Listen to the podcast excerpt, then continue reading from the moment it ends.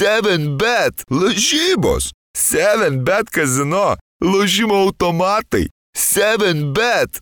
Nesėkmingas lošimas gali sukelti priklausomybę. E, taip, taip, taip, taip, taip, taip, taip, taip, taip, taip.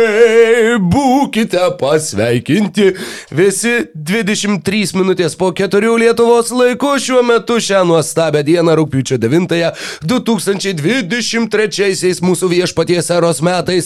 Sveiki įsijungę NBO tinklalaidę su jumis jos bendrautoriai Mykolas Jankaitis ir Rokas Grajauskas. Sveikas gyvas Mykolai. Sveikas gyvas Rokai ir papasakok dabar visiems, kodėl tu toks laimingas, tokios geros nuotaikos, kaip tavo savaitgalis praėjo. O, aš tai žinok, laimingas ir geros nuotaikos esu uh, apsimestinai. Ai, apsimestinai, gerai. E, jo, ne, bet šiaip e, viskas, viskas labai gerai, savaitgalis praėjo nuostabiai, ačiū, kad klausi. Ir, ir tiesiog, šiaip tai labai džiaugiuosi gyvenimu, labai viskas, labai viskas gerai dabar Tai yra. kaip tas koncertas? Turbūt gražiausias vakaras gyvenime, žinok, buvo, buvo tiesiog fantastika. Buvo, pff, ne, net neturiu su kuo palyginti, iš tikrųjų.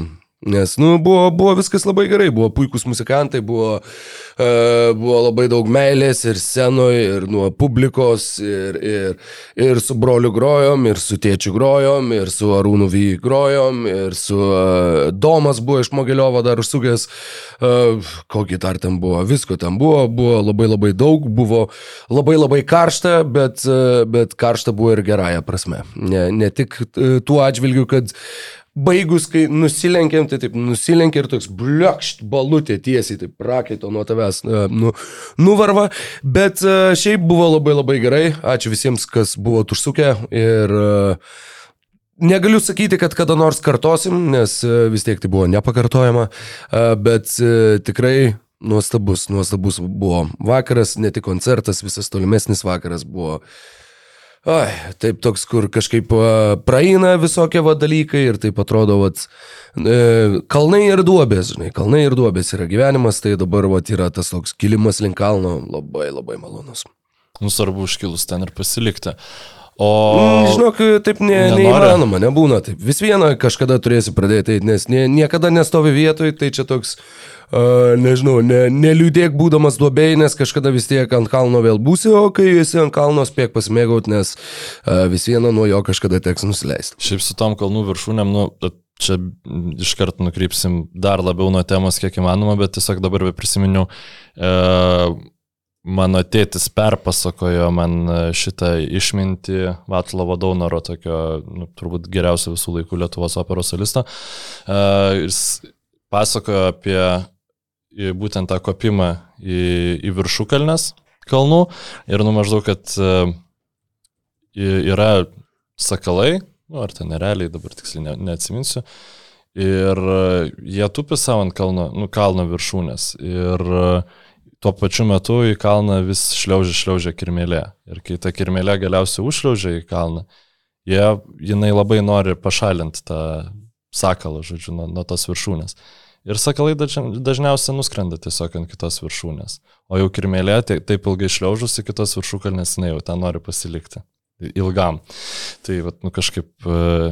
e, Ne, nesakau, kad čia susiję, bet e, ti- tiesiog... Jo, aš šiaip bandau susigauti, kas čia, kas čia per metaforą, bet e, taip, labai džiugu, kad ir Vaclavo Daunaro išmintimi pasinaudojome ir pasidalinome mūsų tinklalaidės įžangoje, o pati tinklalaidė be abejo yra apie NBA krepšinį, tradiciškai e, niekas nesikeičia jau eilę metų ir e, šiandien taip pat, na, vasaros jau toks, e, nežinau, vasaros saulėlydis be prasideda pamažu ir NBA lygoje įvykių tikrai nėra labai labai daug, visi taip pat ruošiasi pasaulio krepšinio čempionatui, jam ruošiasi ir JAV rinktinė, jam ruošiamės bent jau moraliai ir mentaliai ir mes, tai yra paskutinis mūsų pokalbis iki pasaulio krepšinio čempionato pabaigos, tik tai po to susiklausysime su visais a, norinčiais ir, ir to kalbėjimo išsiilgusiais, bet a, Bet va, šiandieną taip pat susitikom pašnekėti, turim daug įdomių temų, kurias atrinkai šiai tinklalaidai mano mielas bendrautoriau. Ir... Jo,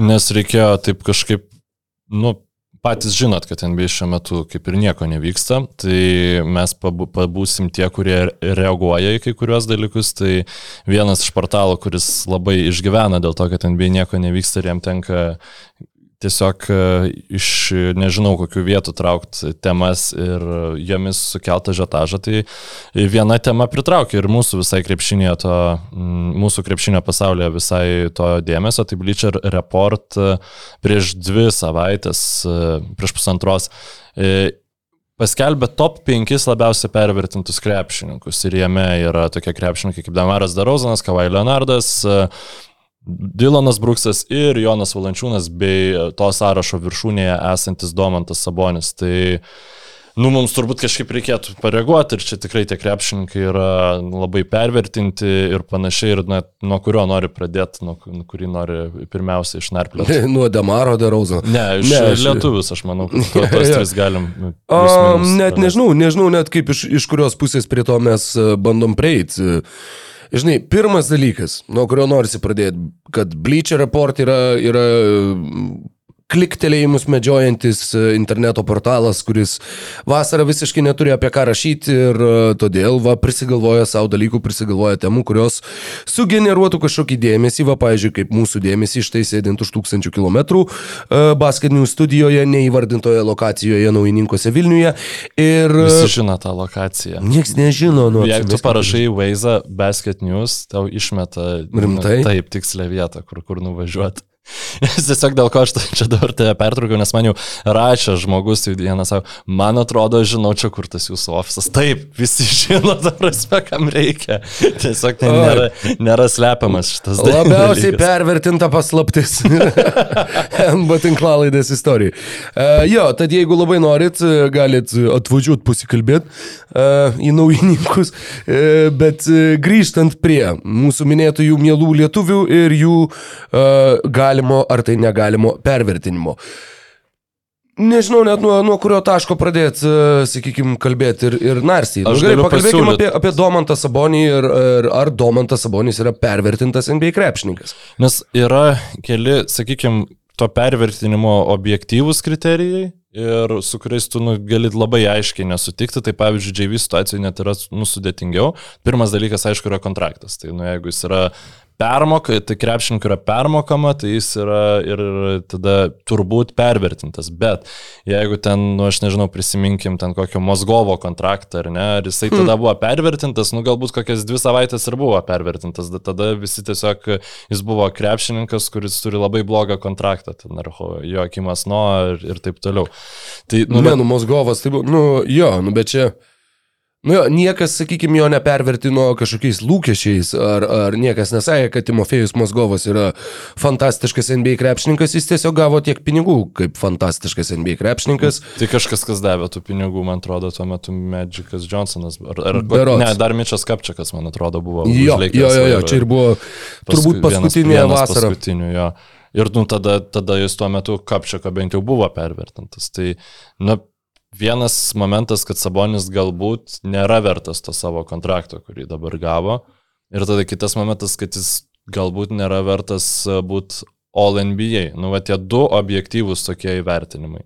Visa kita yra, e, kaip čia pasakyti, medija reaguoja į savo pačios sukurtą bazą apie krepšininką, žinai, tai tada tai yra labai sudėtinga. Tai, uh, Nu, dėl All NBA tos vietos komandos Sabonio, tai akivaizdu, nu, jeigu ten būtų Deivisas sveikas žaidęs visą sezoną, jis ten tikriausiai nebūtų papuolęs. Ir ar daug šansų jis turi vėl ten papult, nu, su dabartiniais pokyčiais, kad turi būti ten tam tikras kiekis rungtynių sužaista, galbūt net ir dar daugiau šansų jis turi papulti tas All NBA komandas. Tai... E, tuo pačiu, jeigu Miami's nebūtų buvę mėgančioji gražuolė reguliariajame sezone, Bemas Adebajo veikiausiai būtų, būtų buvęs ten vietoj Domanto Sabonio.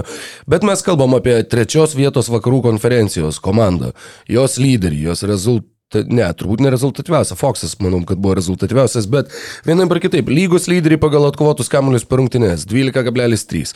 11 žaidėja lygoje pagal rezultatyvius perdavimus. Vienintelis uh, Jokičius iš aukštų ūgių išdalino daugiau rezultatyvių perdamų negu Domantas Sabonis.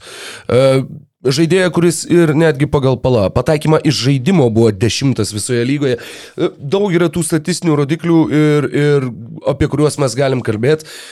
Ar Domantas Sabonis visada bus skylę gynyboje? Nu, kažkokia skylė turbūt vis viena bus. Fiziniai duomenys yra tokie, kokie yra ir tu iš jo, nežinau, Rudy Gobero nesukursi. Nors, nu, apie Rudy Gobero gynybą čia kita tema, bet, nu, paimkime jį kaip pavyzdį. Nu, jie norėtų, visiems Kings norėtų, kad jis būtų Rudy Goberas gynybai. Nu, tu do, didesnė, didesnių atvejų skaičium nori, kad tavo centras būtų kaip Rudy Goberas, nebent tavo centras yra Bemas Adebayo, Dreymondas Grinas ar ten Jerenas Brukas Jacksonas. Lopesas, Ja. jo, Jerenas Jacksonas. Jo, bet, e, nu, va čia tas yra tikrai sudėtinga. Nu, žinom, kur dabar tas visas jo pervertinimas atsimuša į tai, kad jisai, sakykime, galimai toj serijoje atrodė prašiau negu Kevonas Lūnė, kuris yra Mhm.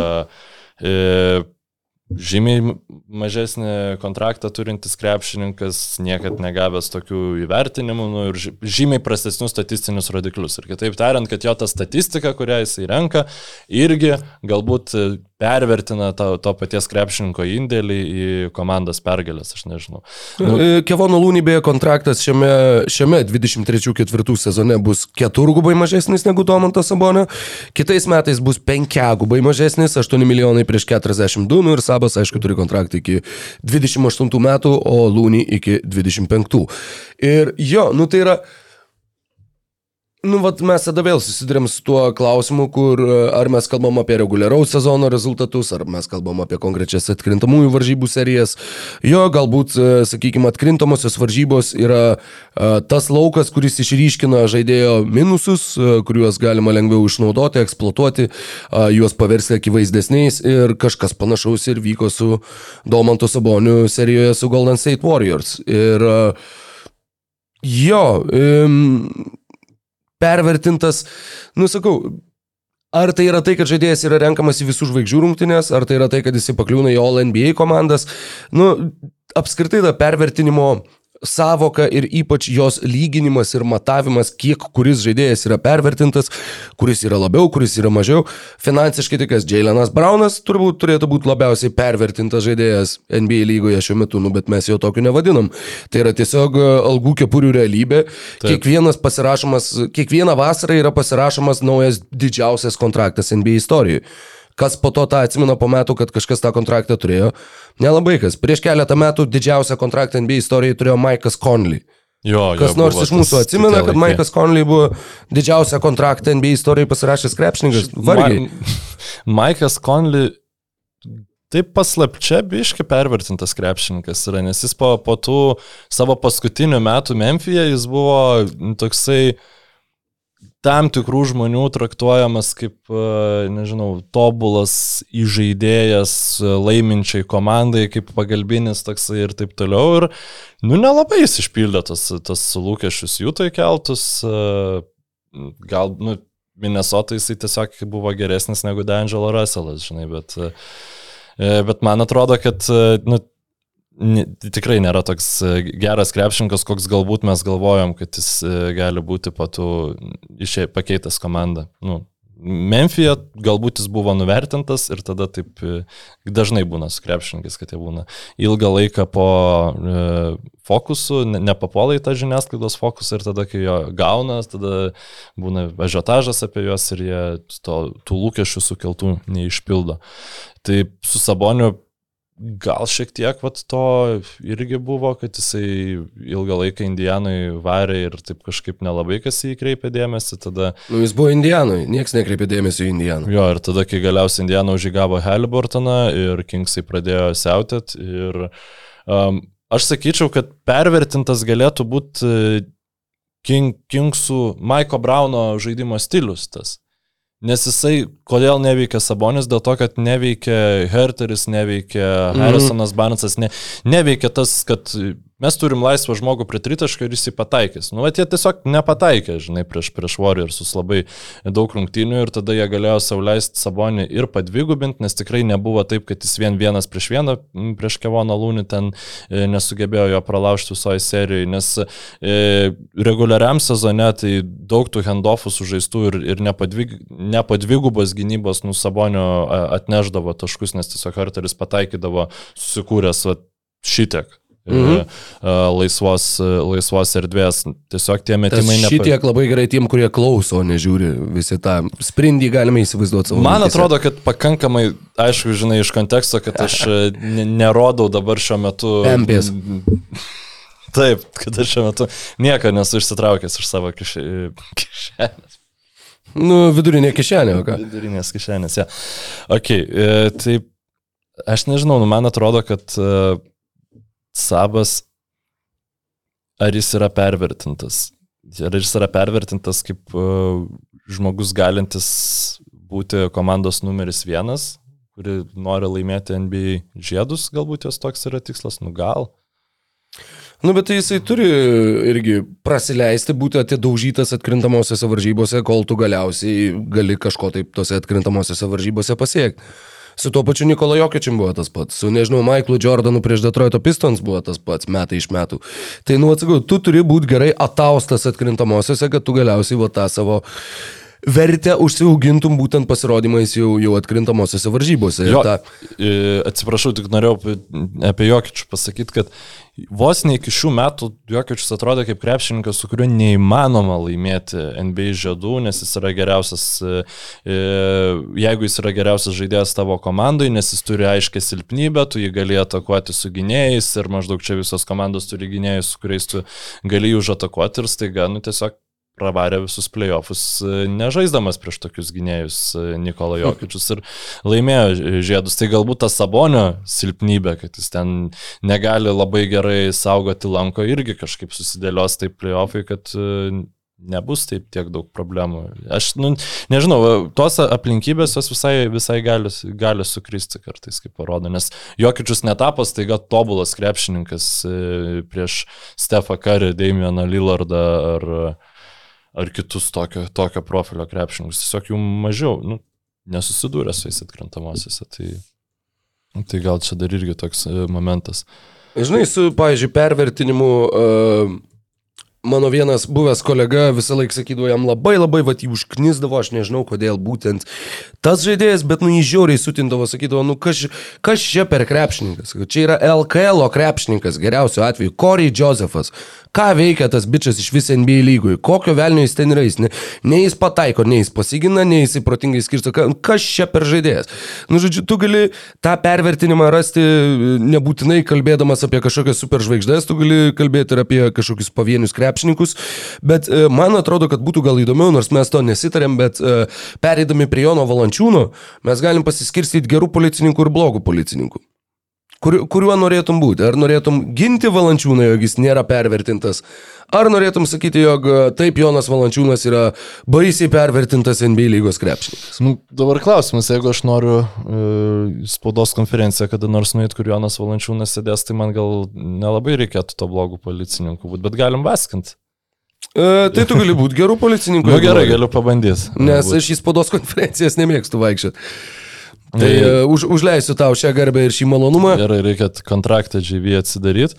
Na, pirmiausia, tai Oleit. E, pagal ką jisai yra pervertintas? Ar jis, yra, jis tikrai nėra e, vertinamas kaip kažkokia superžvaigždė, jis yra vertinamas kaip startinis komandos centras, jis yra gauna pinigų kaip startinis komandos centras. Tai man tas atrodo pakankamai adekvatu, jo tas 15 milijonų per metus, e, paskutinis jo sezonas dabar bus, paskui jis taps, tai yra 11 procentų e, naujo Arleno algų kepurės, jo statistika jis yra stabilus žaidėjas polime, tu gali jo pasitikėti ir jis tau duos taškų, gerai kovoja dėl kamolių, Žodžiu, labai daug dalykų atneša už pakankamai solidžią pinigų sumą. Tai aš nežinau, kaip jis čia gali būti pervertintas dabar šiuo metu savo karjeros stadijai. Nu, tai koks, koks tai startinis krepšininkas, koks tai startinis centras? Jeigu tai yra centras, kurio tu negali net laikyti aikštėje rungtinių pabaigoje. Tai yra jo gynybos. Čia 50 procentų centrų NBA lygos startinių. Nu, bet vis tiek mes kalbam apie žmogų, kuris, nu, turėtų būti, nežinau, kažko, kažkokia rimtesnė pagalba, rimtesnė paspirtim, netgi, nežinau, nuo pat Toronto Raptors laikų, kiek buvo diskusijų apie tai, kad jisai gal turėtų visgi eiti nuo suolo. Galiausiai Toronto Raptors laimėjo žiedus tada, kai jį išsiuntė nafik iš komandos ir gavo centrą, kuris moka gintis. Tai uh, mes kalbam apie bičią, kuris ir dabar žaidė po 25 minutės vidutiniškai per rungtynes. Tavo startinis centras sužaidžia vos pusę rungtynių, vos, vos 24,9 minutės. Tai yra žmogus, kuris nuo savo pradinių metų NBA lygoje taip niekur ir, ir kažkaip tai ir nepaugo. Tai yra žmogus, kuris, sakykime, kurio vidurkiai nekelia jokios nuostabos ir nekelia jokio, nu, tai apskritai yra labai nenuostabus centras ir, ir na, komanda, kuri turėjo nuo valančiūną, kiek daugiausiai, nu, okei, okay, iki rytų konferencijos finalo buvo nuėję reptoriai, tada kai rytų konferencija buvo visiškas vaikų darželis. Uh, ir kur tiesiog visą laiką kasmet vis vieną prasileidinėdavo nuo Lebrono Jameso. Bet tu niekur daugiau, tu su juo, kiek tu toli gali su juo nueiti, kiek jisai tau gali atnešti naudos, kiek tu, jeigu tau vis vieną svarbiausiamis rungtynių minutėmis reikia įsodinti ant suolo. Tai kam tau toks centras? Tai tu pasimk centrą už minimumą, kuris irgi gerai kovos kamuolius. Va, Kevonas Lūnį, duokit man Kevoną Lūnį, aš jam mokėsiu dvigubai mažiau pinigų ir jisai man duos daug daugiau naudos. Nu, bet yra vienas Kevonas Lūnį NBA lygui.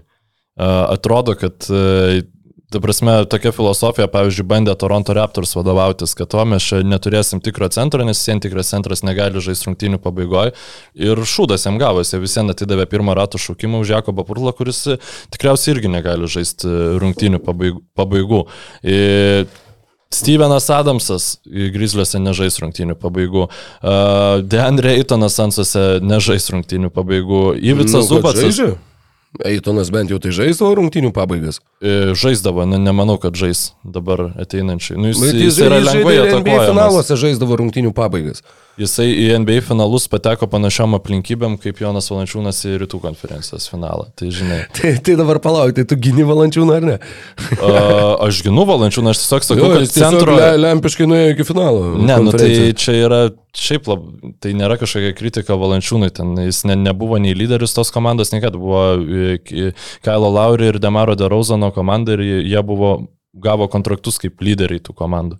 Ir tarkim, va dar irgi pavyzdys, Ivica Zubacas yra Clippersų labai mylimas krepšininkas ir su juo jie yra e, neabejotinai geresni negu be jo aikštės, jis ant žaidžia 28 minutės.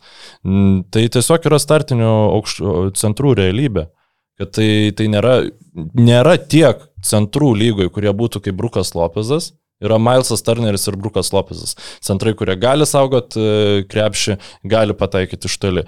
Ir nėra tiek centrų kaip koks Raymondas Grinas, ar, ar, kuris net nežaidžia daug, daugumą reguliaraus sezono kaip centras e, ir jį tauposi tam lemiamą minutėm, kurie ten galėtų keistis ir apsaugot lanką. Nu, tiesiog nėra tiek krepšininkų ir Jonas Valančiūnas ypač reguliariam sezone, e, jis yra tikrai naudingas naujo Arleno Pelikans ir jis negauna pinigų kaip kažkoks krepšininkas, kuris turėtų pretenduoti kažką daugiau. Tai man čia yra vis, visiškai adekvačiai yra įvertintas. Aš, aš nežinau, ar jis, yra, ar jis yra tobulas centras, ar jis yra labai geras kažkoks, e, nežinau, top 10 centras NBA lygui. Ne, bet jis ir negauna tiek pinigų.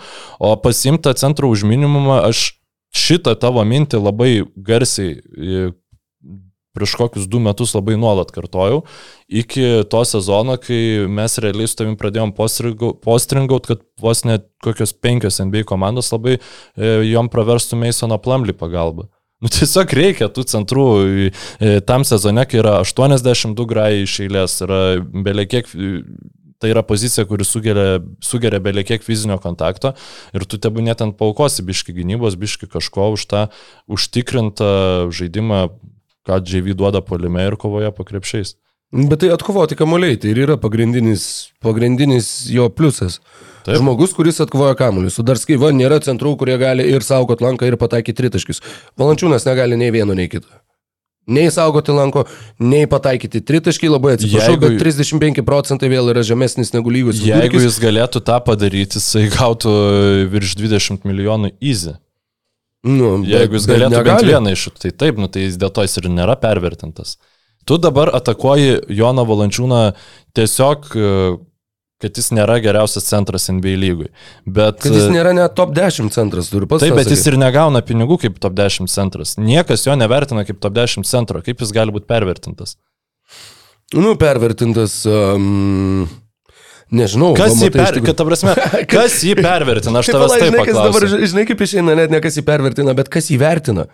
Tai Pelikans jį vertina, kaip startinį centrą, kuris gauna fucking 15 milijonų e, per metus, tai yra nu, normalus rolinis krepšininkas.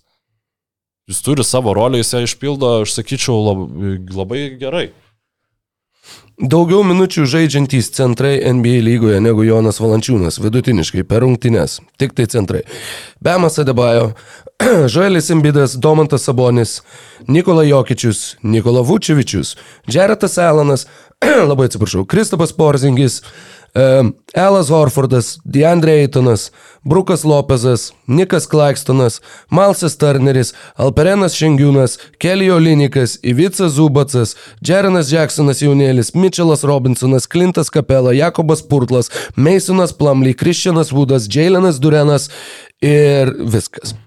Bet tai yra tai masė, tiesiog masė žmonių, kurie bent jau gali išbūti daugiau minučių aikštėje, kurių tau nereikia išimti iš aikštės, kad tu, kad tu nebūtum atakuotinas kiekvienoje įmanomoje atakoje, drop gynyba pikinolė ir kiek... mano įžaidėjas meta iš vidutinio meta ir meta ir meta ir meta, kaip Lorenzo Braunas, kad sumetė žaisdamas už Ispaniją lietuviams atakuodamas vien per tą patį vėl ir vėl ir vėl ir vėl ir vėl, nes Jonas Valančiūnas negali kitaip gintis.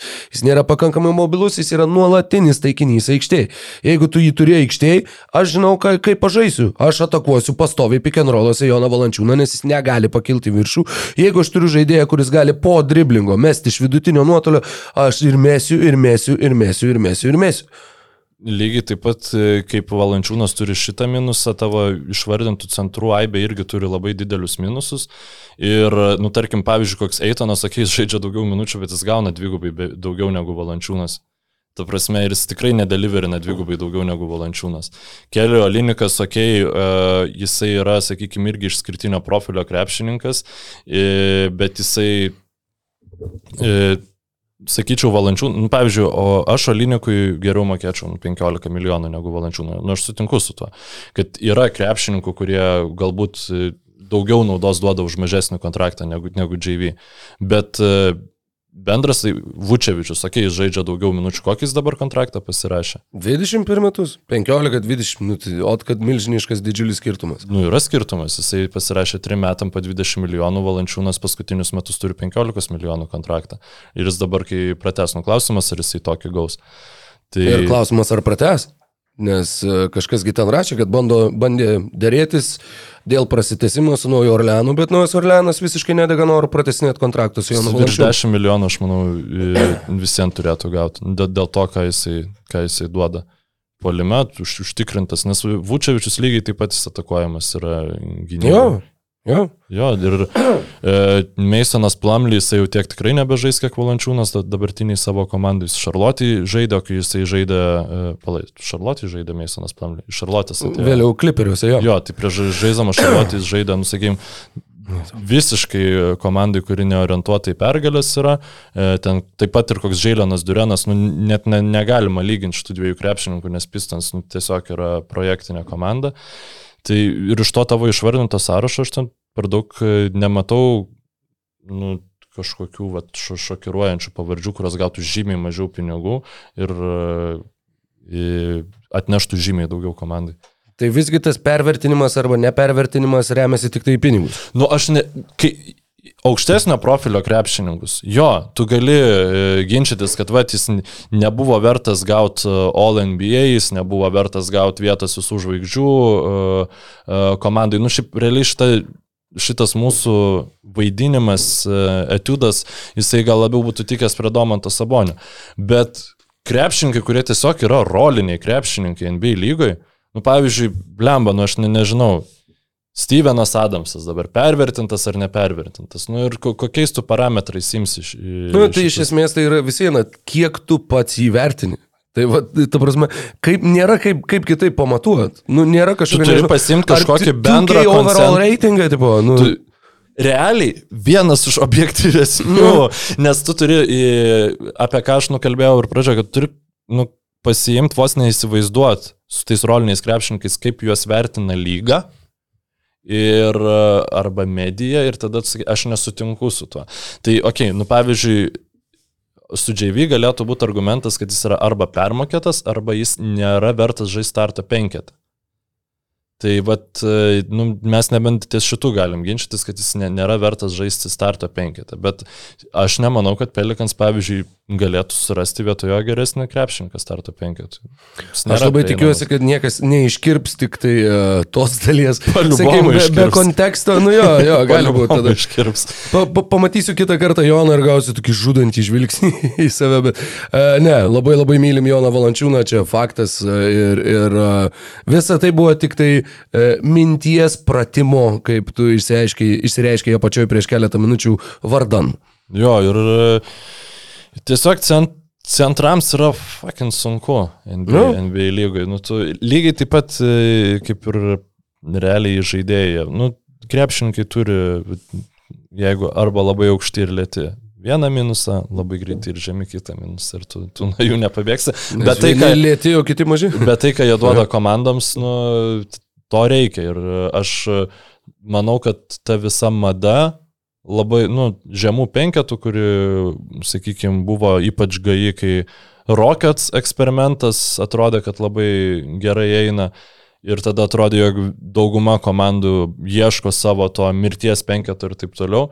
Tai yra realiai atkarpų penketai. Net ir atkrintamosiose e, Keras leisdavo centrus, nu, ta prasme, jie žaisdavo irgi tą savo 20 minučių NBA finaluose, nu gal biškai mažiau, gal kokius 18 atžaisdavo ir tada jau ten likusias tuo mažesniu penketu, nu, nes kažkaip va, tas krepšinis taip veikia. Jo, šiaip tai e, Jonas Valančiūnas yra geriausiai gynyboje dėl kamurių kovojantis krepšininkas NBA lygoje. Apskritai tu pagal jo procentą ar pagal... Jo, pagal di mhm. defensive rebound percentage trečdalį netaiklių metimų susirbė Jonas Valančiūnas, lygiai 33,3. Antras Jokičius su 31, toliau Vučevičius beje su 30, Janis 30, Domantas Abonis 30 ir taip toliau ir tik tai žemyn. Europiečiai, europiečiai, europiečiai. Ne, europiečiai, europiečiai, palauk. Valančiūnas, Jokičius, Vučevičius, Janis, Domantas Abonis, Rudy Goberas, Klintas Kapela, nu, Bobby Portisas, Žoelis Embidas, Anthony Davisas. Bet pirmi septyni, daugiausiai gynyboje procentaliai atkovojančių kamuolių krepšininkai NBA yra būtent europiečiai. Bobby Portisą galima išbraukti, nes čia yra bruko, ta prasme, tu būtum top 20 šitam sąraše, jeigu žaistum su Bruku Lopesu vienu metu aikštėje. Nu, būtų labai įdomu, jeigu aš žaisčiau su Bruku Lopesu vienu metu aikštėje. Ir dar. Reikštų, kad lab, labai juodi laikai atėjo arba Milvokiui, arba Brukui Lopesui. Ok, tai galim tada, nu, apie juodus laikus kalbant, šiaip yra tema, kurio, apie kurios aš tau plane ne, ne, nepristačiau, bet tiesiog šiandien prisiminiau, kad e, gal visai reiktų aptarti, tai Ricky Rubio karjeros sustabdymas. E, nežinau, ko Buvo tau reakcija kažkokia, kai sužinojai šitą dalyką? Uh, aš taip jį tik tai vieną akimtį užmačiau, tiesą pasakius. Nu, iš, iš, iš esmės, Baigia karjerą. pasako viską, ne, sustabdo karjerą tam, kad susitvarkytų su e, psichologinės sveikatos problemom. Taip, taip reikėtų gal pasakyti. Oh, wow. Tai um, mes čia ir apačioj su Donatu šnekėjom ir aš galvoju, kad vis dėlto, jo, kai tu nuo 14 metų profesionaliai žaidi krepšinį, tai na, yra tas nuovargis, jisai, aš praeitam podcast'ame šnekėjom apie tą nuovargį, kuris susikaupė ant kelių žaidžiant nuo, nuo, nuo labai labai anksti, labai, labai profesionaliai, bet uh, smegenyse tai irgi nu, turėtų būti nu, beprotiškas nuovargis. Taip, ten Rubio galbūt tiek minučių nėra prisukęs dėl savo traumų ir, ir, ir kitų negandų, bet uh, suprantamas žingsnis ir aš tikiuosi, kad jau kitais metais gal vis dėlto grįž, nes e, stebėti jį krepšinėje yra labai smagu, bet dar labiau tikiuosi, kad vis dėlto atras tai ir ramybę savo e, mintise ir kad ta pertrauka bus į naudą. Jo, be abejonės, nes e, apskritai tai yra Kalbant apie ispanus krepšininkus, nu kažkaip tai nuo, nuo Alberto Herreroso laikų Ispanija yra toks, ne, kur, nu, fu, ispanai. Bet e, Ricky Rubio man nuoširdžiai turbūt yra mėgstamiausias visų laikų ispanų krepšininkas, tas žmogus, kurį smagiausia buvo stebėti. Uh, na, žinai, um, galima kalbėti, nežinau, apie brolius Gasolius ar, ar dar kažką tai, bet man kažkodėl būtent Rubio, ypač žaisdamas Minnesotoj, atsimenu iš tų visokių komentuotų rungtynių, kurių niekas nežiūrėjo ir niekas neatsimins ir niekam visiškai nieko svarbaus juose nenutiko.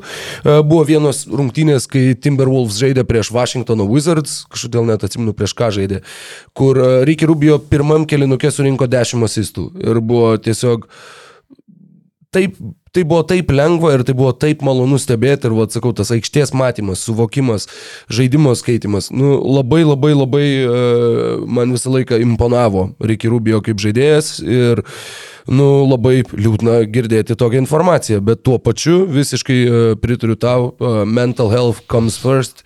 Uh, ir yra ta, ta frazė, kurią dabar populiarina, neatsimenu tiksliai kas, bet it's okay to be not okay, yra labai svarbu tą suvokti ir, ir dar viena iliustracija to, kad nu, tu gali, va, uždirbti milijonus, tu gali būti žvaigždė, dar kažkas, bet tai tikrai nebūtinai reiškia, kad tavo gyvenimas yra rožiam klotas ir tu esi labai laimingas žmogus ir kaip tau čia viskas gerai sekasi. Nevelnio, dažnai būna netgi priešingai. Tai uh, su visa šią prakalbą turbūt e, tiesiog e, reikia tą pab- pabrėžti ir mūsų klausytojams bei žiūrovam. Jeigu kažkas yra negerai, viskas gerai. Jeigu yra negerai, viskas yra gerai. Kaip lemba, it's okay to be not okay.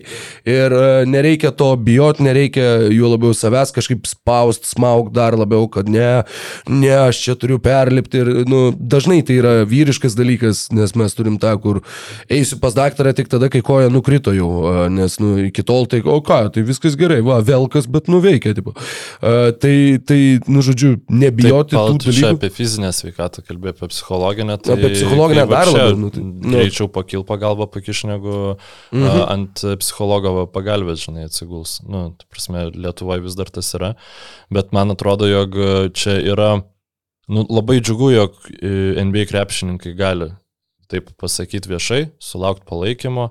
Ir tikrai netaip seniai būdavo, kur e, pakankamai turbūt plati reakcija būtų į, į, į tokius visokius pasakymus, kad čia stabdau karjerą tam, kad sufokusuočiau tą savo mental health, labiau už tos prizmės, kad čia jau milijonieriai, čia jau sveikatos problemų turi. Nu, at prieš kokių psichologinės, žinai, e, prieš kokius 10-15 metų aš manau, kad e, nu, daugų didesnė dalis. Nu, tiesiog mes negirdėdavom apie tokius krepšininkus. Aš bent jau neatsimenu, dabar mes turim Darauzaną, Keviną kurie jie garsiai du buvo pirmieji tikrai, kurie, kurie prabilo garsiai.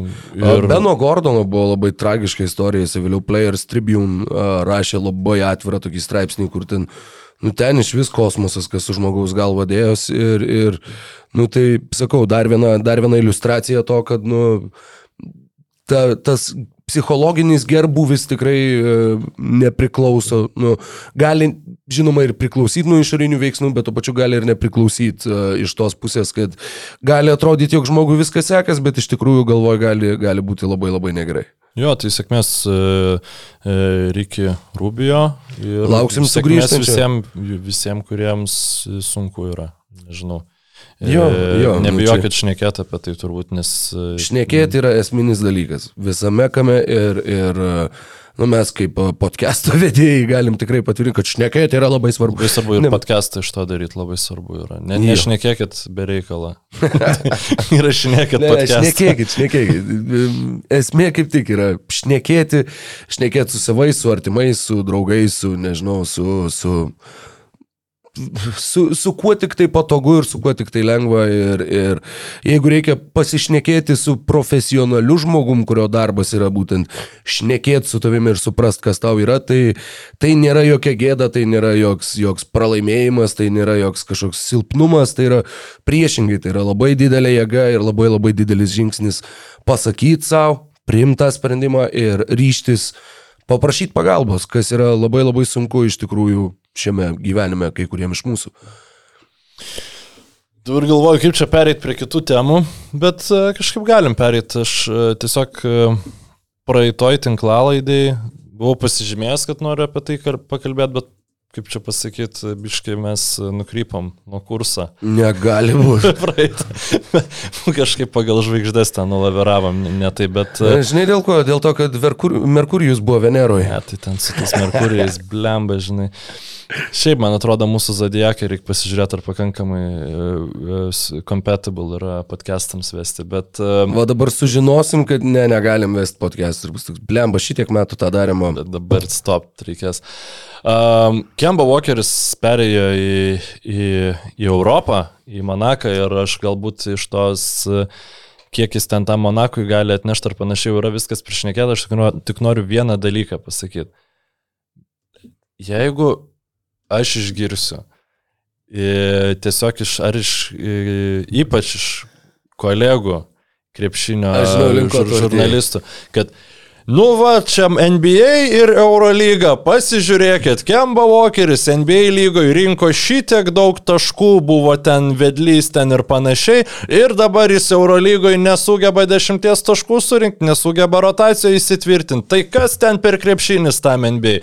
Tai Iš karto, nu, šlapiu pimpalų per veidą, atsiprašau už išsireiškimą, bet, nu, blemba, blem. Bet- Ir šimtų procentų bus tokių pizdukų, kurie va šitaip šnekės, kur, va, kad vėl, vėl įrodyti savo tiesą, kad ten tai cirkas, ten tai cirkas, taigi ten be gynybos žaidžia, bėga metą ir ten.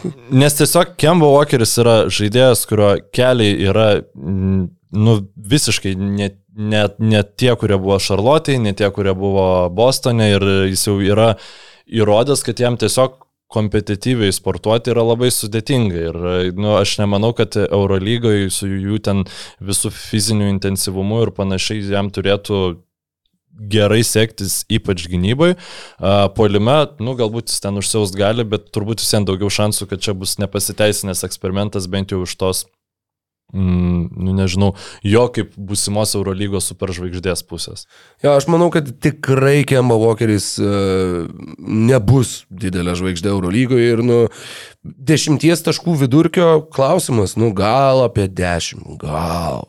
Nes, gal. žinai, i- dar dėl ko aš esu įsitikinęs, kad bus va tie palyginimai su Kemba Walkeriu, nes yra dar žiauriau, kai ateina koks nors NBA visiškai nepasteisinęs krepšininkas, kuris ten buvo pašauktas top 15. Derekas Williamsas. Nu. Derekas Williamsas dar visai nieko, bet irgi, jo, antras, N, antras NBA šaukimas, bet va čia Euro, uh, Europoje role playeris. Nu, jis, Derekas Williamsas visiškai neįsitvirtina, žinai, uh, NBA lygoje. Ir, O taigi Jabari Parkeris. Tai va, tai aš dabar link Jabari Parkerio linkiu, tai irgi, jeigu, nu, tipo, bus, va čia antras šaukimas NBA lygoje, šitiek ten baksuose kažką ten veikia, kažką ten rinko ir, ir dabar čia jis nieko Barcelonai nepadaro, nu tai, nu, sorry, Hebra, nu, tipo, žmogus pusantrų metų nesportavęs yra nebereikalo, tai čia, nu, Aišku, apie Džabarį uh, Parkerį man yra net sunkiau kažką pasakyti, nes tiesiog žiauriai seniai nemačiau jo iš vis. Niekas jo seniai nematė. E, Kaip, kaip įdomu ir Barcelona įmatė, prieš pasirašydama Ne, kontraktą. nu matė, matė, tengi praėjo ekstensyvius tyrimus, visą kitą, tai nu, nebuvo, kad, o, žiūrėk, Nu. nu, šitą, šitą ant, ant Žinau. kompo sukratydavau su šituo gerai, versdavau, turėjo tą dėjiko, žinai, ženkliuką, imam šitą. Bet Nu, gal Barcelona truputėlį daugiau visgi įdirbio įdeda negu tiek. Niekad Bet čia. su su šitais žaidėjais jo yra tai, kad, nu, e, tu, nežinau, pasiemi 38 metų lenktyninis žirgas sekretoriatas atvyksta į, į kaimą, yra pastatomas ten plūgo ir tada kaimiečiai sako, o, tai kas čia per žvaigždė, kad man to plūgo nepatraukė.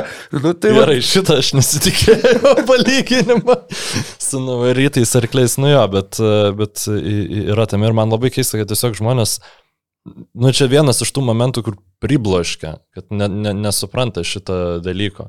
Ir šiaip bendrai man atrodo, kad e, daug yra tikslingesnė strategija nebandyti užgaudyti, jeigu tu kalbė apie sportinius tiesiog e, pasiekimus, nebandyti užgaudyti krepšininkus, kurie nieko e, jau, jau sugeba įrodyti, kad nu, nepaisant visų mums suteikiamų šansų, mes neturim vietos NBA lygai. E, ir nebandyti kažkaip tos krepšininkus reabilituoti Europoje, tikėtis, kad jie savo talentų ten priblokš, o labiau ieškoti, nu aš nežinau, bet aš anksčiau labai sakiau, kad Ray Barkas būtų siautulys Europoje, bet jis kažkaip kaip ir įsitvirtino NBA. Nu, vad gaudė tokius visokius Jalenus Brunsonus, kol jie dar ne, neturi šansų. Nu, Tiesiog žiūrėti žaidėjus, kurie turi daug potencialo, NBA to nemato, žinai. Ir čia yra daug daugiau šansų, kad jie išaus Europoje, ne, negu tie žmonės, kurie tiesiog nu, yra sugrūvę fiziškai. nu, tai Alanas Iversonas į Bešiktašą irgi buvo atvažiavęs. Nu, tai va, Staudamaras šitam HPL, bet jau, nu, sakykime, net nebuvo, man atrodo, pakankamai, net ir, net ir teorinių ten lūkesčių, kad jis ten kažką labai pasieks, nes jau labai ilgas tas buferis buvo nuo karjeros NBA iki, iki kada jis atvarė Europą, o su Kemba jis dar pakankamai, nu kaip Dieve, prieš tris metus jis buvo vienas geriausių NBA gynėjų. Tai žinai, toksai 7bet lažybos, 7bet kazino, lažymo automatai, 7bet.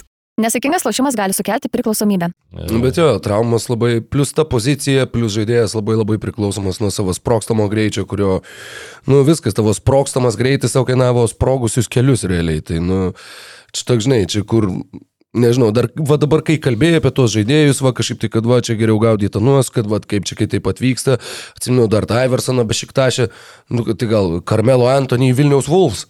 Tai Karmelo Antony, man atrodo, buvo tikrų, nu, Milanas bandė jį prisivilioti. Man taip atrodo. Ir šiaip su Antony visiems būtų įdomu tai, nes jis vis, vis dėlto yra didelis bičias. E, nu, Europoje nėra, nėra tiek krepšininkų, kurie lengvai sugebėtų apsiginti nuo jo tiesiog žaidimo antuselio, žinai, o jis tą tai visiems turi atkalęs labai neblogai. Tai šiaip... Nu, jis slinktų iš vienos, vieno aikštės galo į kitą, taip tokia, tokia ristelė. Nes, nu, Bet jau tu jam įmes kamuolį, viskas jisai ten savo tukš tukš porą tai... apsisukimų, metimas atšokant ar kažkaip nu, iš vidutinio nuotolio arba tas jo aukšto ūso, po Vilnių, kas per daug kalbos darkimas, bet nusakykim. Aukštas ūsas, ja. Nu, high post. High post, jo, jo. High post. Tiesiog, nu, žaidimas nugarai krešim, man atrodo, pakank, mm. pakankamai aišku, bet nu, pasirinko baigti karjerą ir, ir gal, gal gerai ir padarė šitą. Bet, jo, nu, tai bet jo, man aš tikrai būčiau norėjęs, nu, tipo, pamatyti, nes vis dėlto, nu, tai buvo, nu, ne Kemba Walkerio lygio, lygio žvaigždė. Ir šiaip dar yra tų gandų apie Johną Wallą. Ir aš kažkaip pradžioje galvojau, nu čia tragedija būtų. Tada prisiminiau, kaip jis Clippersuose atrodė sezono įgoj, nu, iš fizinės pusės. Tada prisiminiau, kad Eurolygoje tokie žaidėjai kaip Nikas Kalatis kažkaip sugeba žaisti, ne, nepaisant to, kad į kiberą nepataiko, nu gerai, jis gal ten iš kažkur kažką pataiko, bet turi tam tikrų problemų su metimu. Ir, nu, Jonas Wallace yra fiziškai, kaip čia pasakyti, tikrai labai gerai sudėtas kaip... E, kaip siena. Būtent. E, turint omeny e, Eurolygos gynėjus ir galbūt va, jis galėtų visai pasiautit. Aišku, bet čia jau labai atsiriamė su kokiu jis nusiteikimu atvyktų. Jeigu jis atvyktų tiesiog pabūt super žvaigždė, žinai, tai tada nieko, to, nu, jokio tolko nebūtų. Bet jeigu taip, taip nusiteikęs, kaip, pavyzdžiui, su Clippersais pradėjo praėjusią sezoną, su noru reabilituotis, tai, nu, visai būtų įdomu. Damarkusas Kazinsas? Nu, va čia jau, čia jau turbūt pernelyg didelis žmonės, kad e, e, galėtų prisitaikyti prie krepšinio. Nu, irgi sugriuvusios ten jo kojas yra. Gerai, kal, kalbant apie traumuotus aukštaugius, tai šiandien va, turim tokį kažkaip... Uh, Už, už... Man labai patinka tavo perėjimai, jie, jie su kiekvienu epizodu tampa vis geresni, man labai labai patinka. Norėjau tik tiek įsiterti. Tad kalbant apie traumuotus aukštaugius. E, šitą kažkaip tiesiog, kadangi to turinio, žinai, nėra daug, tai e, Kingsų subredite užgaudžiau Kriso Weberio kažkokį seną komentarą ir jis man visai susikonektino, nu ir ten irgi tas paustas buvo, kad va čia dab, lab, tai, kai jis sako dabar, yra visai aktualu ir šiandien. Kai jūs sakot, kad čia mūsų tarp sezonis lievas, nes mes nieko nepakeitėm, tai gal tiesiog pasiklausykim, Rokai, tu turbūt dar jo negirdėjęs. Ne, aš specialiai neklausiau. Tai čia iš Open Court laidos, čia nėra, kad čia pas mus įsėdėjo ir kalbėjo. Rimtai, bet studija tai kaip mūsų. Panašiai. The trade that hurt me the most is when I wasn't traded, is when Doug Christie was traded. I'll tell you why. Maybe you guys are going through this. But a lot of times, guys on the team know the players way better than the coaches and the management. Mm-hmm. And I knew that if it wasn't for Doug Christie, we would not get far. Not because of on the court anything. We needed to pay him just for how hard he practiced. He held us to a different standard. He and Mateen Cleaves. So Doug Christie got traded. And that trade affected me more than me getting traded because I knew in my head, though I didn't want to admit it, that that was my last time ever to compete for a championship. We had just come off playing the Lakers. He had fought Rick Fox. We had them. We ready to go. Uh, he's a double. He double teams. He's heart and soul. So mm-hmm. any other flashy stuff on our team, okay, we can do that because he's the heart and soul of defense, and he's the one there guarding Kobe, 44, right in his face. Kobe can give it to him, but every play he's there. And when he got traded and we didn't have a we, we have been building all year. I'm passing out books. We're talking. We're, we're in such a mind frame. We're a family that if anything happens to this fragile relationship, we're done. And when management traded it and didn't tell us why, didn't speak to us and, and bring us in the, in the room like they did with everything else, and we didn't address our brother getting gone mm-hmm. and being left, it was over. Yeah. He made me commit to staying here fighting in this little small town, no soul food, ain't no black people. This is weird to me. Yeah. You know what I'm saying? No, no, no. That, I buy in and see We how just said the great, the in wonderful the people Yeah. are in Sacramento. You know, he helped tie me to that community. I love Sacramento forever because him, he helped tie us there. And you see those fans with the cowbells. Like, it was like he was one of them. It was just that sincerity. And so when one guy leaves a team, it could be that damaging because it takes everything out of everybody else. The trade Jo, viskas is čia jau. wasn't traded. Ant Pa- repito pa- pa- sukasi. pažiūrėk, Ant repeat. Tai čia tiesiog kalbama yra, pasakoja. Išversi dabar? jo, išversi. E, Manau, kad mūsų klausytojams daugumai titrų nereikia. Nu, kažkaip tiesiog e, darau tokią prezumciją. E, Nu, bet- Jeigu domiesi NBA krepšiniu, tikėtina, kad supranti angliškai. Ir beje, galima turbūt vesti ir priešingą paralelę. Jeigu tu šūdinai supranti angliškai, sakai, tai kas ten be gynybos? Ir kas? E, Bet e, aš galbūt tiesiog konteksto labiau norėjau iš tam sakiniu, nes būtent 2004 sezone e, Timberwolves pralai vakarų konferencijos pusfinalyje po septynių rungtynių serijos įveikė, Mhm, KG, MVP sezonas. e, Sakramentą ir septintose rungtynėse Dagas Kristi buvo rezultatyviausias. E, e, krepšininkas e, Sakramento gretose ir po to jis buvo išmainytas į Kutino Moblį. Žymiai labiau, sakykime, gal flashy pavardę. Ir vat, būtent Weberis pasakojo apie, apie tai, kaip jis jautėsi. Ir uh, iš, dėl kelių momentų aš kažkaip vat, pasirinkau mhm. parodyti šitą sakinį, šitą pasisakymą podcast'e, nes uh, mes turėjom vat, krepšininkų pakeitusių komandas šią vasarą, mes turėjom komandų, kurios nieko nepadarė ir galbūt tai atrodo, kad čia blogai yra šitas dalykas, tai vat, tas, kad testinumas ne visada yra blogas dalykas, net ypač po nesėkmių. Ir apie tų e, sielos krepšininkų išmainimą, nu, kad galbūt mes, pavyzdžiui, mes visada šnekame, kad Beverly, žinai, yra siela, bet jis kažkaip išmainomas ir tom komandom nebūtinai blogiau būna, bet vat, Markusas Martas, nu, man mm -hmm. čia yra, nu, aš, aš, aš, aš nežinau, man žiauriai įdomu, kaip Teitumas jaučiasi, kaip, kaip kiti jaučiasi po Bet šito. vat, klausimas, matai, nu čia buvo truputėlį kiti laikai, 2004 ir vat, e, tai, ką pasakoja Weberis, kad nu, vat, vadyba su mumis ne, nepašnekėjo, žodžiu, kad buvo atlikti mm. tie mainai ir tiesiog atlikti mainai.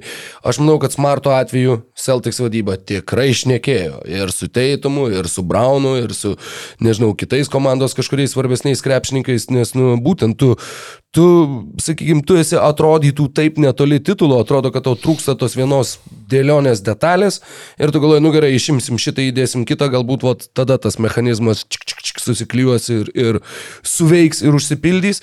Tai tikrai nemanau, kad, kad e, šiais laikais yra atliekami mainai taip, kaip anuomet, kai tiesiog, e, o, wow, sužinojai, kad, kad, buvai, kad tavo va, rūbinės siela ir rūbinės tas e, darbo kartelės, darbo kultūros kartelės, e, sakykime, ją labiausiai laikantis žmogus, kad va taip va tiesiog buvo išmainytas. Tai Nu, čia, aišku, mes šitą išsiaiškinsim po to, kai Celtics arba laimės, arba nelaimės žiedus. Nu, ir kaip išeis irgi, va, toks, arba toks, arba ten koks nors 30 for 30 Jo, um, jo. dokumentinis apie tai, kur visi šnygis. Nu, va, tą akimirką, kai, kai išmainė Markusas Martą. Ir dabar atspėk, kas tai bus. Ar bus, Arba kad "O, mes, viskas- mes, mes jau sužinojom, kad, nu, va, supratom, kad mes tikrai žiedų nelaimėsim. Ar tai bus, va, tą akimirką mes supratom, kad mes galim čempionais tapti, kaip Porzingis atvyko. Bet šiaip, vat, Bet pavyzdžiui, ta viskas- frazė, kur Weberis pasakė, aš, man įdomu, kiek, e, kiek jis yra, kaip čia pasakyti, ne tai, kad nuoširdus, bet kiek iš tiesų jis tuo metu taip jautėsi, nes tokio kalibro krepšininkui, koks tuo metu buvo Krisas Weberis, iš, kai jo komandai iškeičiamas Dagas Kristi, uh, tok, nu, tiesiog rolinis krepšininkas, galvot, kad jis niekada nebeturės šansų laimėti e, NBA žiedus, NBA žiedus tai tiesiog labai apie patį Weberį daug pasako, kiek jis, nu, pasakyti, realistiškas buvo savo galimybių klausimų, kiek jis nu, suprato, kad tai yra komandos pasiekimai, o ne jo vieno kaip superstaro, nu, tu prasme. Ne, nu, ta komanda buvo išskirtinė. Išskirtinė, iš ties. Ir, Ten, ten tikrai buvo va, tas, tas ir komandiškumas, ir va, kad visi kaip vienetas, ir, ir, nu, ir labiausiai apiplėšta komanda NBA istorijoje. Jo, Čia yra faktas, jo. kad, kad tai, kad jie nelaimėjo žiedų, yra tiesiog kriminalinis nusikaltimas. Ir uh, jo, nu, Literally. Atsiprašau, nu, tiesiog tikrai kriminalinis taip, nu. nusikaltimas gal. E, sėdėjo žmonės už tai. Ne konkrečiai už tai, bet jo. Ir e, labai daug buvo pastangų įdėta, kad tą, tą uždangstyti tuo metinio e, vadovo. e, NBA lygos. Bet šiaip e, labai fainai jis apie tą sakramentą šnekėjo, kažkaip aš supratau, kad, nu, džiauriai džiaugiuosi, kad Sabas į sakramentą perėjęs yra, nes ta, ta visa kažkokia, tas beprotiškumas aplink tą miestą, nu tada buvo tie varpeliai, jie tarp kitko iš, iš, iš, išliko, dabar tas... O žinai, kaip jie atsirado? Jo, jo, tu pasakai iš podcast'e, teisingai. man atrodo, gal net taip. du Mhm. kartus tai ekstensyviai ir gal kokius penkis kartus priminiai. Tai čia, žinai, čia tas, kur senelis vis atsiminantas. O atsimeni, pasakau, tai jo pasakai, senelį dešimt kartų. Bet, nu ir da, dabar tas visas uh, Light the Beam, uh, fenomen, nu kažkokių kažkokių nesąmonių prisigalvoja ir uh, fainai, kad jie iš, išlaikė tą brandolį, kad jie pasiliko, susidėliojo savo algų struktūrą taip, kad kitais metais galėtų Maliką Manką išlaikyti. Nu, žodžiu, kažkaip atrodo tokia užtikrinta, teisinga kryptimi judanti komanda. Tai O čia visai įdomu, kad- kad, nu, vat, nei Domantas Sabonis, nei Jonas Valančiūnas, ta prasme, kiek keitė komandų, nu, Torontas, galima jį vadinti didmėšiu, žinoma, bet, nu, NBA kontekste tai vis viena nėra, nu, didmėsis. Tai irgi tokia NBA Sibiras, žinai. Bet tai yra, e, tai va, Torontas, Memphis, Nuesis Orleanas, Oklahoma, Indiana, Sakramentas. Čia yra penktadalis lygos klubų. Ir niekada nežaidė nei Los Andželė, nei New York'e, nei Čikagoje, Tai nei vieno iš tų, iš tų didžiųjų rinkų. Ką? Songaila Čikagoje žaidė. Nu, E, jo, tai ne, aš turiu tiesiog omeny būtent apie Valančiūną ir Sabonį, nu, bet iš, iš lietuvių, bet tai aš tiesiog jau ė- ėjau per... Andriškevičius žaidė Čikagoje. Nu, tai va iš lietuvių, nu, Karnišovas, e, Songaila Andriuškevičius, vieninteliai tuose Big Markets žaidė. Nu, nežinau, ar galima sakyti, kad ten... Kornišovas nežaidė, jis Nu, dirbo. ta prasme, veikia. Tai visai E, jo. Kuzminskas New York'e. A, jo, šitą pamiršau. Nu, ga- galbūt Rokas Jokubaitis kada nors. Galbūt būtų smagu, būtų smagu. Bet vat, labai įdomu tiesiog, kaip tas, kaip tas charakteris, va, tų, sakykime, tų darbščių, e, į akis nelendančių, va, tokių, žinai, savo vietoje esančių, kaip tas charakteris, ar jisai atsiskleistų kažkokia kita jų pusė, jeigu jie būtų vat, kažkur, kur būtų medijos milžiniškas dėmesys, mhm. kur viskas, kur tu tikrai ten, nežinau, negali gatvę praeiti ir, ir, ir panašiai, nu, vat, didžiulės rinkos, galų gale visokie e, re- reklamų susitarimai, žinai, sandoriai, viskas, nu vis viena yra visiškai kitas pasaulis. Tai vad labai įdomu, pavyzdžiui, netgi kaip ir jeigu jie būtų formavęsi kažkokioj va tokioj varinkoj, nu sakykime, būtų ten kokie Niksai pasišaukę valančiūną, ar ten e, Leikeriai Savonį, ar whatever.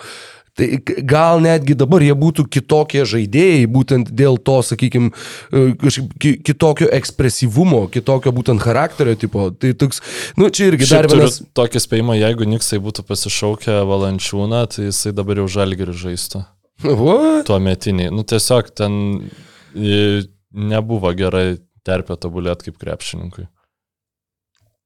Man, man, na, aš žinau, kad labai yra keisi ten kritikuojamas ir, ir panašiai, bet e, JV gavo pakankamai daug progų, pakank, galbūt e, jie galėjo biški progresyviau pažiūrėti tą mūsų jauną aukštą ūgį iš, lietu, iš Utenos Mm, ne, nedaryti iš jo Markuso. Kemio. Jo, e, nu Markus Akemė, tai aš norėčiau, kad būtų šią padarę, bet... e, Bandė, bet, nu, bet tu tiesiog bandėjai e, kvadratinį... mm, Nu, žinai, ką aš bandau pasakyti. Man tai, aš tai atsimenu, kad jie iš jo Hibertą darė, kad Markus Akembi iš jo būtų bandę daryti. Roy Hibertava irgi, jo, jo, jo, nes, labai nes Kembi jisai labai mobilus gynybai buvo, jis iš aфиgenas e, centras. Aš Markus Akembi norėčiau kiekvienoje NBA komandai turėti, man atrodo, jis visam praverstų čia. E, Ir būtų, būtų šiaip Markusas Akembi dabar top 10 centras lygoje, easy. Pa- Manau, pikinis. kad jo, jo, jo. Pikinis, jo. Denverio, Niksu. Gal Mhm. mhm. Denverio labiau. Uh, nu, čia taip pa- pašaliavom per, per, per daug minčių, bet uh, kas būtų, jeigu būtų, o, o mm, dar biški grįžtant prie Weberio tos minties, tai aš ap, labiausiai apie baksus galvojau, kur iškrito prieš uh, Miami, vis ten, okei, okay, pakeitė trenerių, nu tai negali sakyti, kad nieko nedarė, bet irgi fanai buvo lūkesčių, kad gal čia kažką su Middletonu daryti, gal, nu, kažką reikia keisti šitoj komandai ir vadovybės pasitikėjimas, kad ta sudėtis yra čempioniška, jinai yra gera ir e, davai pasitikim to brandoliu ir viskas bus gerai, tik tai trenerių pakeitė. Nu tai žiūrėsim, kas ten bus su ta komanda, bet irgi gal nereikia nurašyti e, Milvokio. Mm. Kiekgi mes dar turime temų, mano mielas kolega? Um, Aš galvoju, kad kai kurias čia galima ir praskipint, nes buvau apie, nu, Šamsas Šaranė e, kelias naujienas e, pavarė vakar, tai galima tiesiog gal pristatyti, kad e, Atlanta, Atlantos Hawks konkrečiai jau yra pateikę pasiūlymą už Paskalį Sijakamą. Uh. Tai yra AJ Griffinas, DeAndre Hunteris, du vieni iš perspektyviausių, jeigu atmestumėm Trejangą ir Onieką Okongų e, Atlantos krepšininkų ir draft compensation. Tai nu, aš manau, kad e, visa turima Atlantos draft compensation, kas yra, nes man atrodo, jau... vienas arba gal Jo, jo, jeigu pavyktų jam pakeltą protection. Taip, e, jeigu jam pavyktų pakeltą protection 2 pirmo rato šaukimai, tai Nu, aš nežinau, ar čia būtų tai, ko Torontas norėtų, bet e, turbūt, turbūt jie niekur nedings ir jau yra ta, tas langas, kur užsiekama būtų galima beveik kiek visko gauti, jis jau yra užsidaręs.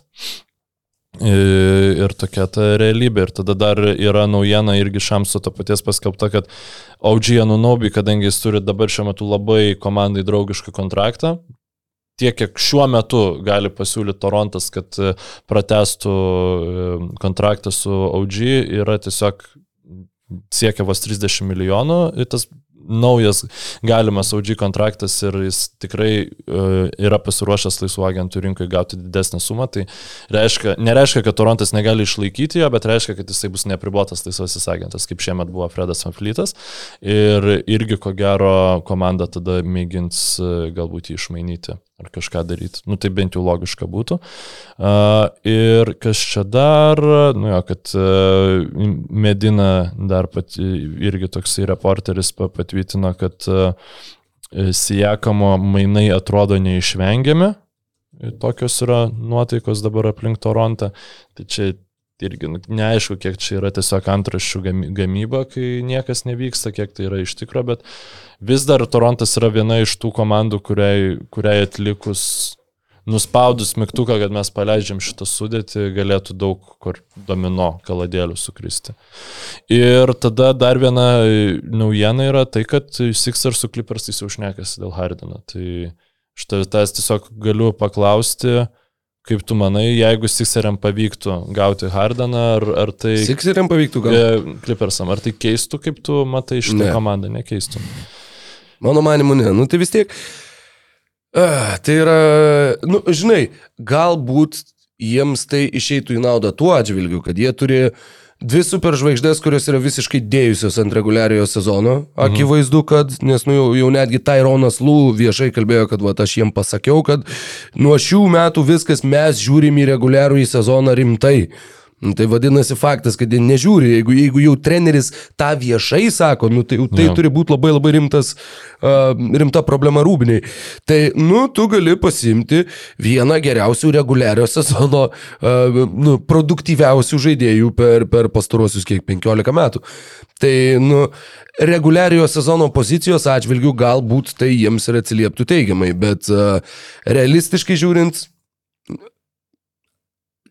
kad galėčiau pasakyti, jog Jamesas Hardinas priartina kažką prie NBA čempionų žiedų, nu, aš negaliu to realistiškai pasakyti, nes, nu, pat, patirtis, sakykime, rodo visiškai ką kito. Ir, nu, tu turi, va, ten vienas geras rungtynės prieš Bostoną, nu gerai, dviejas rungtynės serijoje ir tu turi daugiau, va, tų tipinių Jameso Hardino rungtynių, kur aš tiesiog besdu į vandenį vonioju ir, ir nieko iš to Vat toks rezultatas. Nu, iš to tai bent burbuliukai būna. Nu, burbuliukai būna, bet tai, nu, burbuliukai ir smirda, bet tai va taip ir atrodo Hardino žaidimas atkrintamosiose, burbuliukai ir smirda. Prieš Celtics jisai jau tokių lygių užuomenų pateikė. Kad... Buvo pora, buvo tos vienos rungtynės. Nes žinai, kai tu turi komandai, vėl, nekeičia iš esmės Hardinas Clippersuose nieko to klausimu, kad visiems, jeigu tu nori laimėti žiedus, kaip ir dabar tau reikia tikėtis, kad Kavai bus sveikas. Kiek tai yra reali galimybė, čia jau yra visiškai kitas klausimas. Ir ar Hardenas bus ar nebus, jeigu Kavai nebus šimtaprocentinis ir galintis žaisti visus playoffus arti, ir Polas Džordžas, tai tu nieko nepasieksi. Su... Tai šiaip buvo, buvo, e, sakykime, ir tų situacijų, kasgi dabar šnekėjo tenai ir labai stipriai uh, piktinosi, kad uh, maždaug kur išeina Kvai Leonardas, sužaidžia pusę rungtynių ir tada kitoj pusė rungtynių jo tiesiog nėra. Nes, nu, vat, ne. El nežinau, ir kad, nu, turbūt čia dėl sveikatos būklės, nu, logiškas būtų toks paaiškinimas, bet, bet kad visi lieka, sakykime, tiek žaidėjai, tiek treneriai lieka su tokiu, what, ką, tai buvo, daugiau jis nežais, ne, jisai pasakė, kad jisai nežais. Nu, žodžiu, mhm. kad vat, ta, ta situacija su Clippersais jau dabar tikrai, nu, atsakau, vis labiau lenda į paviršių, vis daugiau tų dalykų, kur, nu, mm, Nėra taip, kad jiems tiesiog labai nesiseka, va, kad, o, Paului Džordžui COVID, o todėl mes neišėjome į atkrintamasis. Ne, nu tai yra tiesiog metai iš metų vyksta, vyksta tie patys dalykai. Ir nusakau, jeigu jau yra šnekama apie tai viešai, kad, nu, mes turim žiūrėti reguliarų į sezoną rimtai, nu tai vadinasi, šūda malą tam reguliariam sezone. Ir, nu, iš to žinai, žaisk durnus žaidimus, laimėk durnus prizus. Nu, tai vad po to ir, ir malatės ties įkrintamųjų riba, kur dar galiausiai tose įkrintamosiose gaunat. Ir, ir ta komanda, kuri mum visiems, nu sakykime, nu kaip visiems, labai labai daugam, ne vieną sezoną atrodė kaip, nu va, geriausiai sukomplektuota, jie turi ir tą, ir šitą, ir sudėties gilį, ir gali ir aukštais, ir žemais penketukai žaisti, ir ką tik nori daryti, nu bet reikia norėti žaisti tam, kad tu galėtum.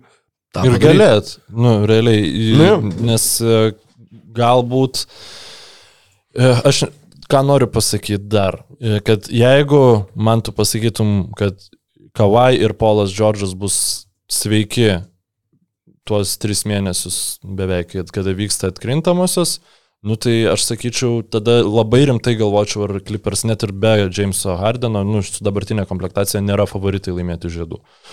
Bet e, aš tiesiog jau galbūt šiemet jau to nebesitikėsiu, žinai. Ir galbūt galima vesti tą teoriją, kad tu su Hardenu gali daugiau ir nu, reguliariam sezone išsaugoti Kawai su Paulu Džordžu, kad jie nesugriūtų atėjus atkrintamosios. Nu, bet bet man, jų, nu, jų, jūs čia... saugot juos kiek? Keturis sezonus? Come on. Jo, jo. Ir, jo. ir kas iš to saugojimo ir kiek jūs juos prisaugojot ir pritaupėt? Nu, mm. kažkaip tai taip nežinau, aš jau labai skeptiškai žiūriu į jų, į jų galimus pasiekimus. 44 pergalės pernai. 44 iš 82 galimų. Ja, nu. Džordžas žaidė 56 rungtynės, Kavai žaidė 52. Jie kartu sudėjus ten, man atrodo, kažkaip tai išeina, kad praleido bent jau vieną sezoną, tai tikrai gal net porą sezonų. Per abu du skaičiuojant per šituos keliarius metus, kiek jie yra Los Andželė. Tai, nu, žinai, dar kas galbūt būtų visai juokinga, tai kad uh, juokinga būtų matyti Westbrooką su Hardenu vienoje komandoje. Vėl pakartoto Oklahomos ir Houstono laikus. Vesbrukas, Clippersas šiaip man patiko iš tikrųjų. Aš manau, kad jis visai tą savo gali Bruko Lopezo kelią pradėti dabar tokį, kad kažkaip savo rolę atrasti ir galbūt... Pradėti mes tritaškus. Ne! ne, nu, tai turiu omeny, kad tiesiog... Ne, ne tą turėjom omeny. Tas jau ir pakitas kontraktas jam leis labiau įsijausti į tą, nu, tiesiog kitą rolę. Ne, nebe kažkokios superžvaigždės, nebe žvaigždės komandai. Na ką, tai grįžtam po trumpos reklamos ir šokam į paskutinį mūsų šio paskutinio vasaros epizodo segmentą. Ir man atrodo, kad mūsų laukia labai labai smagi šio epizodo dalis, kadangi aš prieš akis turiu mūsų praėjusį sezono, nu, praėjusio sezono išvakarėse, aš tiksliai neatsimenu kada, bet turbūt kokį rugsėjį, gal spalį mes. Turbūt e, bus po, po met, e, rugsėjo, kada grįšim ten po čempionato lygiai tas pats daromas, kas buvo. Jo, jo nes, nes faktas, kad uh, tikrai buvo labai smagu.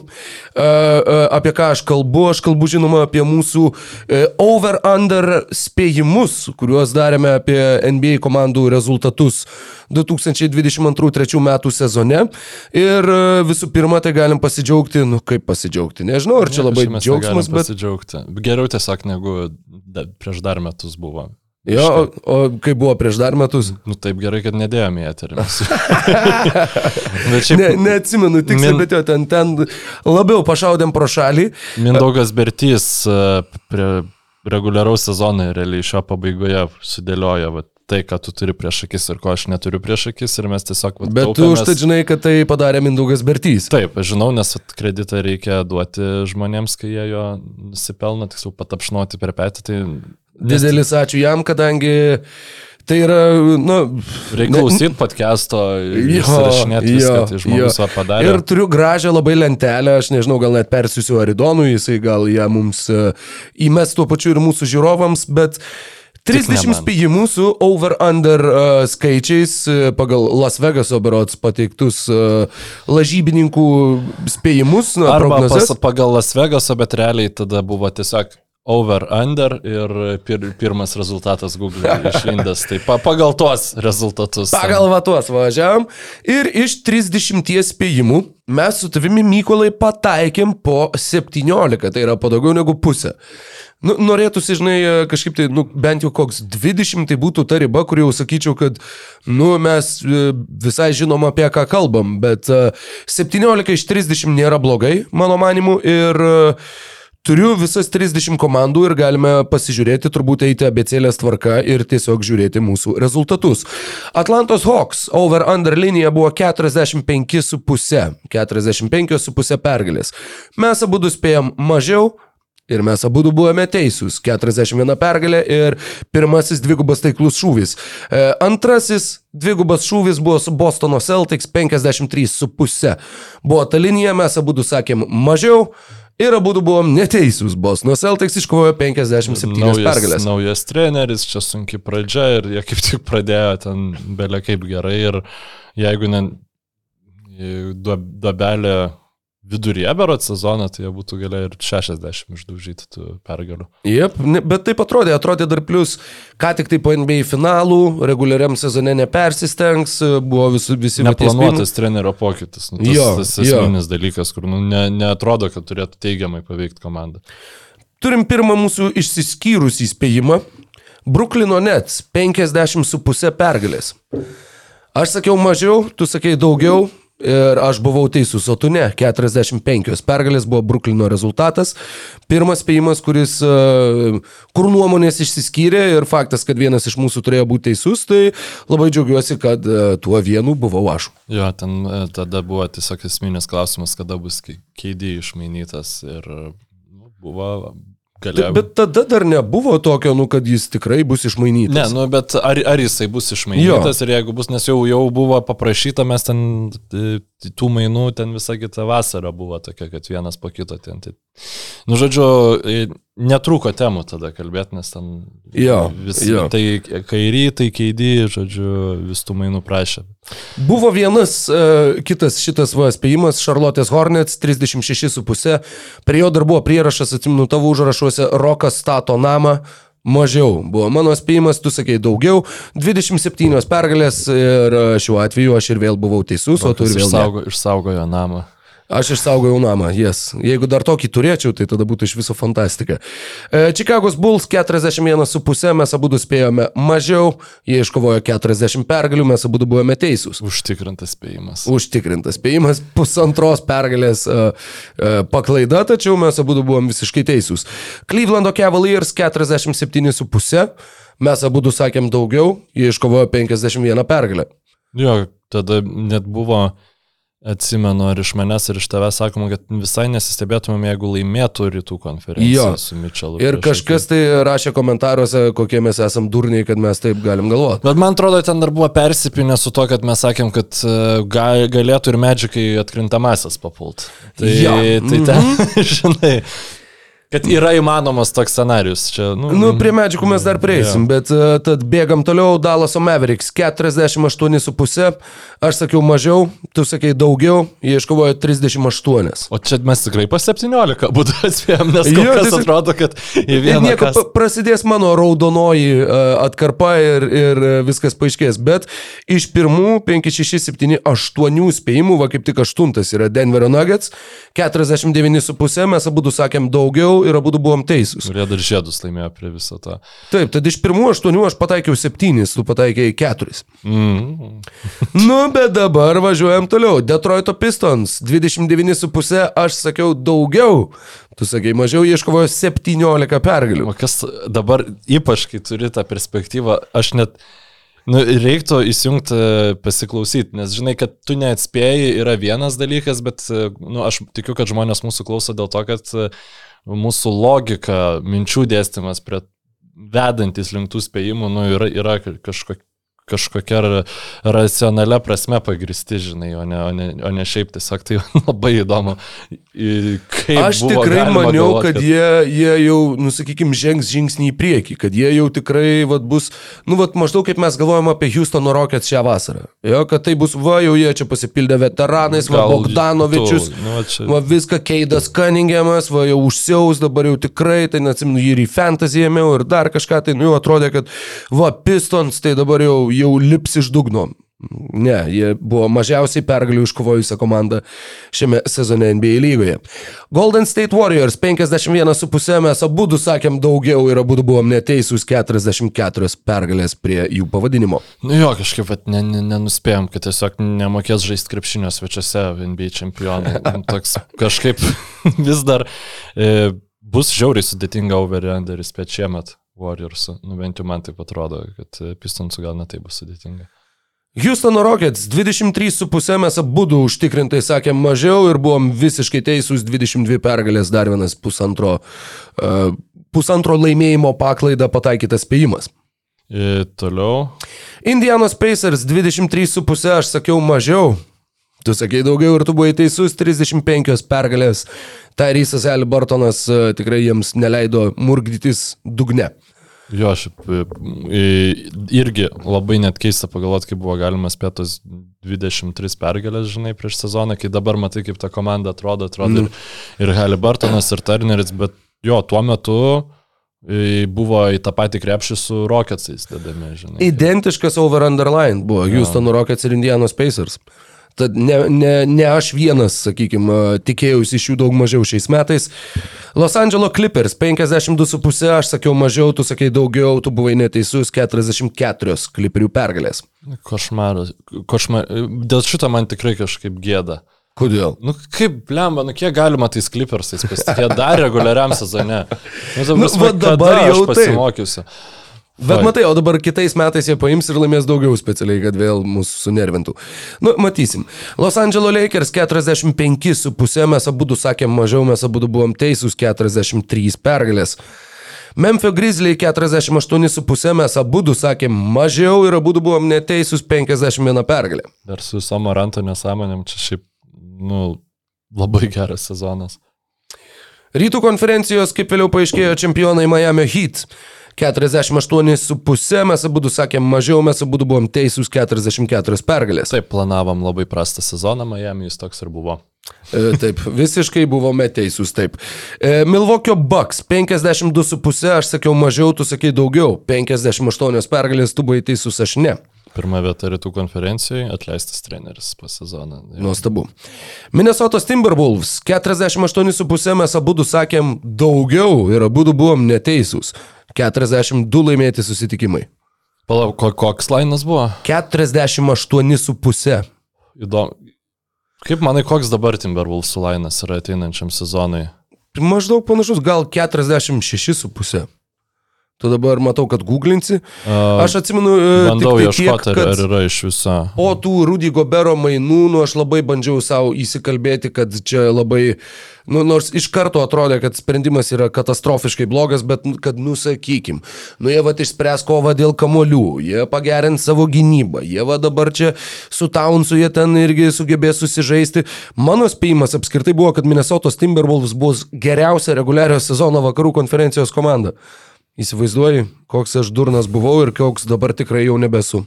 Tu esi labai protingas žmogus, o over-underų, žinok, aš dar vis ir daugiau mažiau ne, nerandu iš tikro. Nu, va, matai. Tai taip, kad dar va ir negalėtumėm padaryti šitą podcastą. Naujojo Orleano Pelikans 45,5. Mes abu du sakėm daugiau. Ir abu du buvom neteisūs 42 pergalės. Čia nauji, biški su klipersais turi panašumų man šitie pelikansai, kad labai sunku kažkaip spręsti prieš sezoną galvoti. keep on walking on the road to Zion, yeah. E, New Yorko Knicks 38,5, aš sakiau mažiau, tu sakai daugiau, tu buvai teisus 47 pergalės. Wow, kiek šiaip uh, o, pranoko savo prognozes New Yorkas iš tikrųjų. Aš irgi atsimenu iš tos diskusijos, kad dar sakiau, kad e, jie gali būti, kad šūdinai pradės ir Tibodo galbūt galimai bus atleistas mhm. ir, ir viskas buvo visiškai ne taip, kaip man atrodė. Oklahomos City Thunder 23,5 pergalės. Mes abu sakėm mažiau. ir jie iškovojo fucking 40. Tai, tai dar palauk. Pl plačiausiai aplenkusi savo, savo prognozę komandą ir mes abu sugebėjom prašauti pro šalį. Ir e, aš dar atsimenu, kad tuo metu, žinai, e, mėčiaus tokiais, kad galbūt SGA bus tas žmogus, kuris paprašys mainų, nes kiek čia galima. Tiksliai, tiksliai. Būta, žaisti, būta tokių. Tai, a predikcijų. Nu, bet gal, galvojom, kad jie tikrai jungsis į lenktynės dėl Vembanjamos, bet uh, jie, jeigu jie tą ir planavo, tai jiems nepavyko, bet taip paradoksaliai nepavyko dėl jų sėkmės. E, Orlando Magic 26,5. Aš sakiau daugiau, tu sakei mažiau ir aš buvau teisus, tu buvai neteisus, 34 pergalės. Jo, aš galiausiai apsisprendžiau, kad uh, turi uh, turi šitą komandą potencialo surinkti daugiau pergalių, bet e, kažkas turėjo, kažkas turėjo ne, ne, nesurinkti tų.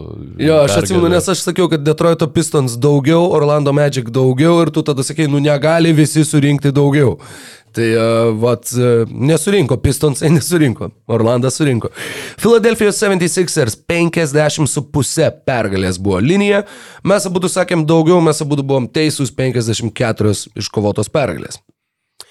MVP Žoelis Embidas. Phoenix'o Suns 52,5 buvo prognozė. 52,5 čia dar iki Duranto mainų, dar niekas nežinojo, kad Durantas atsidurs Phoenix'e. Aha. Ir... Mes abu sakėm mažiau ir mes buvom teisūs 45. Bet šiaip crazy, PM 2,5. Nu, labai aukšta linija. Gavus per Kuprą nuo... Nuo, nuo, nuo Luka Dončičiaus. Nuo Luka Dončičiaus ir Nu, aišku, Krisas Polas toks kaip re reguliaraus sezono sėkmės garantas vaikščiantis, bet, nu jo. 52,5 visgi buvo velniškai aukšta linija. Mhm. Port, uh, taip, Portlando Trail Blazers 39,5. Mes abu sakėm mažiau, mes abu buvom teisūs 33 iškovotos pergalės. Nepaisant tų dviejų savaičių, kai jie buvo pirmoje vietoje vakaruose. A jo, buvo, Jėzau, atrodo, tai taip seniai buvo. Esu, šiandien mačiau kaip tik uh, nuo berots 1889 gal. Ten buvo skaičiuotos Anglijos Premier lygos e, klubų visų, nu, dabartinių dienos, kurias jie praleido pirmaudami lygoj.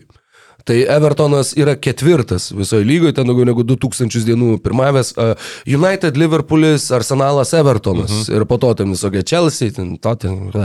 E, ir mane labai nustebino, nu ir taip sukėlė šypsina, kad šešias dienas per, nuo 19 amžiaus Londono Fulamas yra buvęs pirmoje vietoje Anglijos Premier lygoje. Nuostabu. E, po lyrinio nuokrypio mes grįžtame prie savo spėjimų. Šitas yra labai geras. Sacramento Kings 33,5. Aš sakiau mažiau, tu sakai daugiau ir tu buvai teisus 48 pergalės. Jo. Nu, aš žinojau. Kaip net pasitaisė poziciją į tokią labiau dominuojančią dabar. Nu gerai, pavyzdžiui, dabar duotų kiam 8 pergalės Sakramentui. Jie iškojo jo kiam 8. Nu ir va dabar tokį ir duotų to, tokią liniją. Nu, čia reikės, žinok, dar Atskiro pasiruošti tam epizodui. Sunku atsim... pasitikėti tom komandom, kurios uh, taip iššovė pirmą sezoną. Ir kai dar mm -hmm. pamatai silpnas vietas jų... E, Gal sakyčiau mažiau kaip ir pernai ir turbūt vėl būčiau neteisus, bet turbūt 70 pergalį iškovoja.